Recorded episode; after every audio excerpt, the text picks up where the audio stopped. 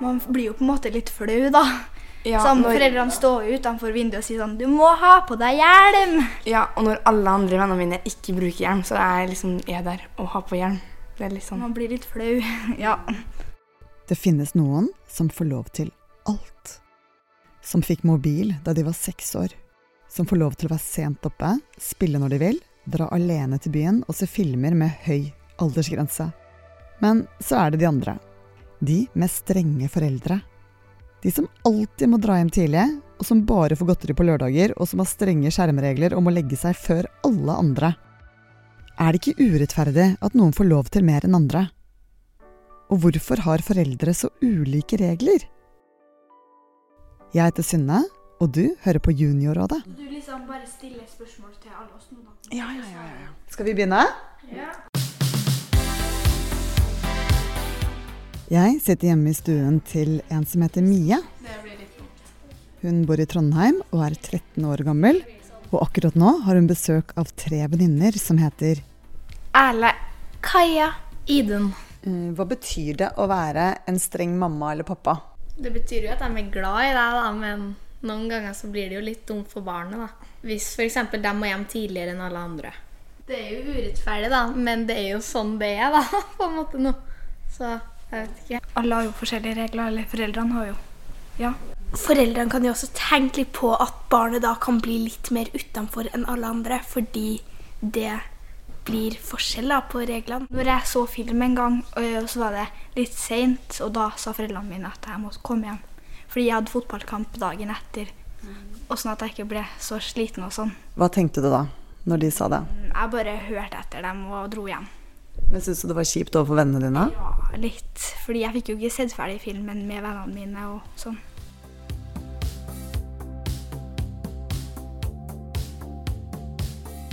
I studio nå så har jeg med meg Maria Østhassel, som også kaller seg for TikTok-psykologen.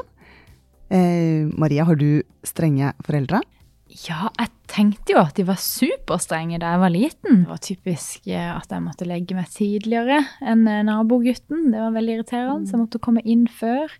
Eh, og så fikk jeg telefon, sånn mobiltelefon på den tida. Så fikk jeg seinere enn venninnene mine. Men Maria, hvorfor er det noen foreldre som lager så strenge regler? Ja, barn trenger jo at voksne er tydelige på hvilke regler som gjelder. For noen syns jo kanskje det at eh, hvis de hadde masse hull i tennene som barn, så syns de kanskje det er kjempeviktig at barna ikke spiser for mye sukker, f.eks. Eh, mens andre tenker ikke like mye på det, men er kanskje veldig opptatt av at barna må være hjemme tidlig, siden de tenker at søvn og kveldsrutine er viktige for dem. Vil dere si at dere har strenge foreldre? Nei. Ja, litt. Ja. Jeg må bruke hjelm på elsparkesykkel. Ja, hvordan kjennes det? Um, jeg vet ikke helt. Uh, Man blir jo på en måte litt flau, da. ja, sånn, når, foreldrene står utenfor vinduet og sier sånn 'Du må ha på deg hjelm'. ja, og når alle andre vennene mine ikke bruker hjelm, så er jeg liksom er der og har på hjelm. Det er litt sånn Men det er ikke sånn at du har på deg hjelm, og så bare tar du den av når du kommer litt ned i veien? Har det skjedd noen gang? Ja, det har skjedd noen gang, ja. Mamma er veldig masete på å bruke hjelm. Men det er ikke alltid jeg hører på henne, da. Når man sier fra, så protesterer man over de grensene som de voksne setter, og det er faktisk et sunt uttrykk for selvstendighet. Så, så det å liksom Ja, av og til så skal vi faktisk bryte litt grenser. Eh, så det, og det, hvis du er den personen som har tatt litt godteri når du egentlig ikke har lov, å føle veldig mye på skam eller skyldfølelse for det, så vil jeg jo bare si at det tror jeg egentlig alle gjør av og til. Fleksvest om, om når det er mørkt, det er mamma ganske.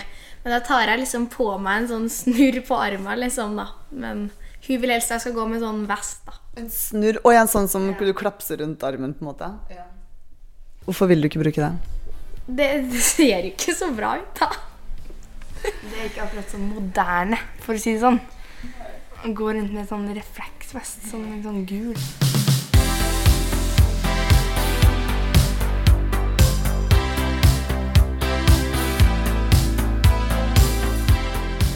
Har liksom regler, men det er ikke sånn at jeg, de er veldig strenge, liksom.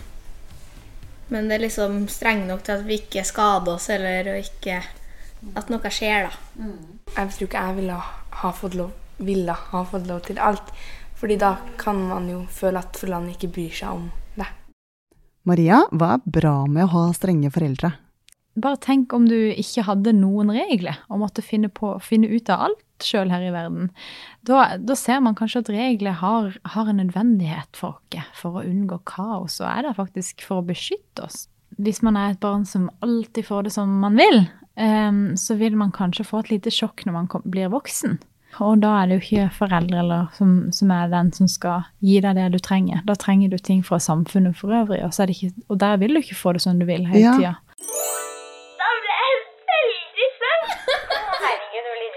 Ja, der Ukas flause! Ukas flause er en ny spalte her i Juniorrådet. Her forteller barn om en skikkelig flau, pinlig eller klein situasjon eller historie som de har opplevd. Og hvis du har lyst til å fortelle din flause, så kan du bare sende en e-post til meg, synne, alfakrøllap.no. Så blir du kanskje med i neste episode. Ukas flause. For noen år siden så var vi på Legoland, og så måtte jeg så veldig tisse. Men jeg hadde det så veldig gøy. Og så var det, um, så var det en opp, det var en sånn lek der det var sånn kaldt vann. Så jeg tok på det, og da eh, Da tissa jeg på meg. Da, da, da ble jeg veldig flau. Og så, og så var det sånn Jeg burde ha gått på do i stad. Og så måtte vi da, jeg og mamma gå og kjøpe da, noen, noen nye klær jeg kunne ha på meg. Jeg har lært at eh, når jeg må på eh, do og føle for det, så må jeg på do. Jeg får ikke lov å se på mobilen når vi sitter og spiser middag, nei.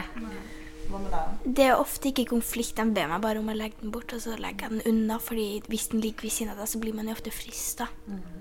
til å bare åpne og se. Mm. Jeg får ikke lov til å se på skjerm rett før jeg legger meg, fordi ja, det er noe sånn at det ikke er bra for øynene og sånt, vanskelig å sovne.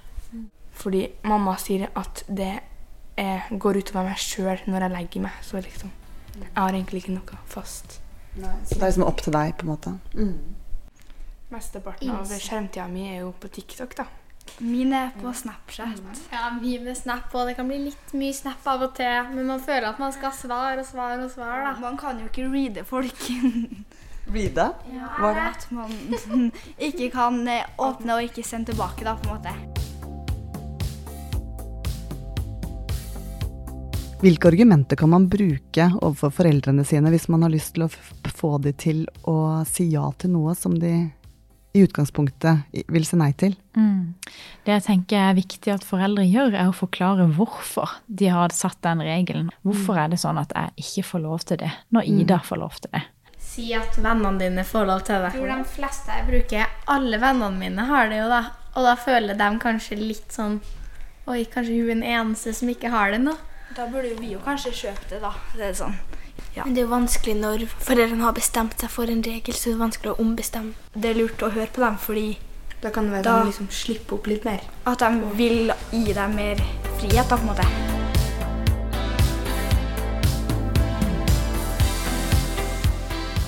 I denne episoden har du lært at selv om det kjennes urettferdig med strenge foreldre og faste regler i dag, så kan dette være en nyttig erfaring for voksenlivet.